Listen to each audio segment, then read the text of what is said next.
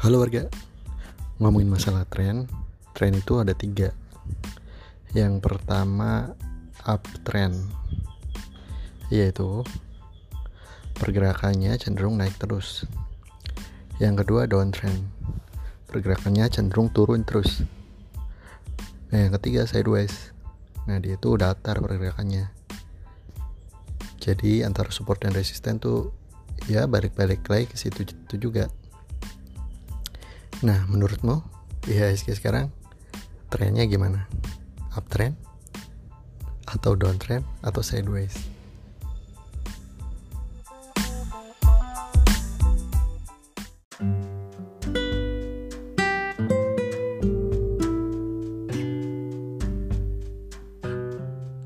Pagi warga.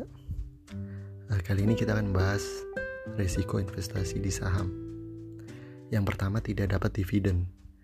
Kalau misalkan perusahaan itu beroperasi dan tidak menghasilkan laba atau rugi, maka tentunya tidak ada bagi dividen pada investor ya. Nah, yang kedua, harga sahamnya turun. Misalkan kita beli di harga 1000 lalu turun ke 500, artinya kita rugi 500 atau 50%. Yang ketiga, tidak liquid di mana sahamnya yang beredar itu sedikit jadi susah untuk menjual atau susah untuk membeli karena sahamnya sedikit. Lalu kena suspend. Biasanya saham-saham yang kena suspend itu sedang dimainkan oleh market maker atau om BD ya. Benar. Bisa turun terus secara signifikan atau naik terus secara signifikan. Dan yang terakhir, emitennya pilot wah ini endingnya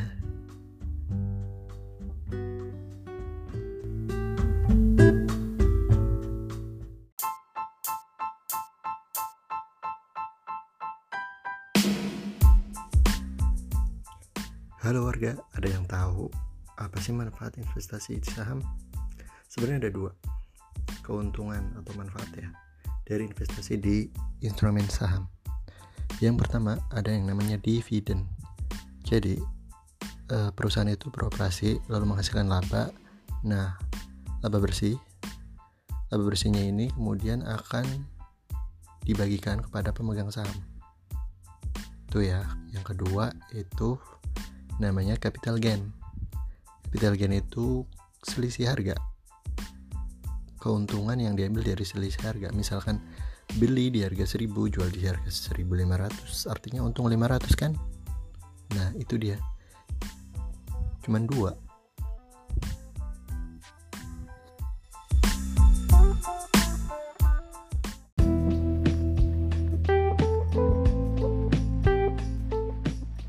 Pagi warga. Nah kali ini kita bakal ngomongin masalah siapa sih pelaku pasar di pasar modal Indonesia ada empat ya secara garis besar. Yang pertama itu pengawas. Pengawas di sini ada otoritas jasa keuangan. Nah, yang kedua ada yang namanya penyelenggara. Dia itu Bursa Efek Indonesia. Yang ketiga, pelaku utama ada emiten, ada investor, underwriter. Terus ada apa lagi? Banyak ya. BD masuknya ke mana nih BD Om BD dia masuk ke investor juga ya cuma dia market maker. Terus ada manajer investasi ya. Kebanyakan BD ya MI ya. Soalnya punya modal yang gede. Lalu ada penasihat investasi juga. Nah yang keempat tuh ada lembaga dan profesi penunjang pasar modal. Kayak Biro Administrasi Efek lembaga clearing KPI ya. KSEI Kustodian Sentral Efek Indonesia. Terus Bank Kustodian Wali Amanat Penanggung dan lain-lain.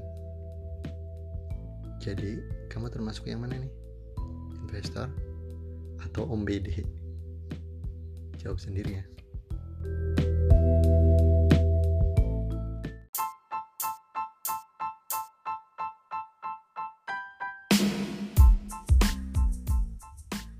Halo warga, Sudahkah kamu bersedekah hari ini?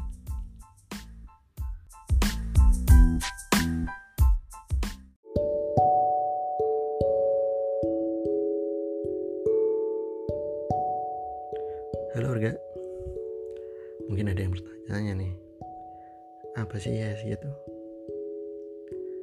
IHSG singkatan dari Indeks Harga Saham Gabungan Diperkenalkan pertama kali pada tanggal 1 April 1983 sebagai indikator pergerakan harga saham di Bursa Efek Jakarta.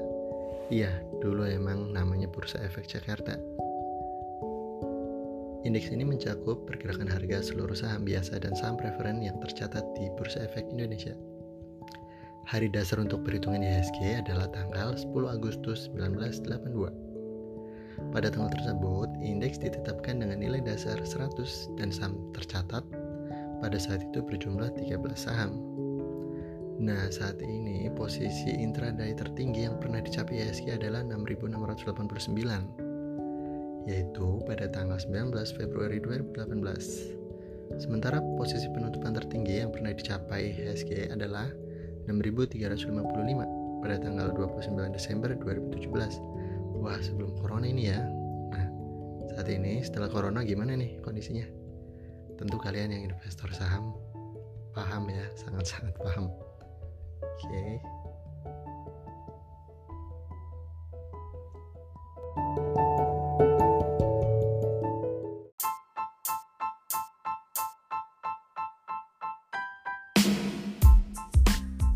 Selamat pagi warga.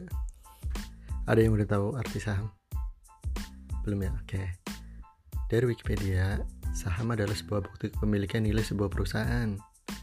Kata saham sendiri diambil dari bahasa Arab dalam literatur fikih, saham diambil dari istilah musahama yang berasal dari kata saham bentuk jamaknya ashum atau asumah yang artinya bagian, bagian kepemilikan. Jadi artinya pemilik saham adalah pemilik perusahaan. Clear ya? Oke. Okay.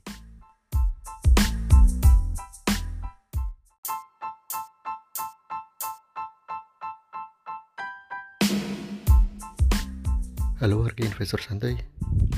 Podcast ini diperuntukkan untuk kalian.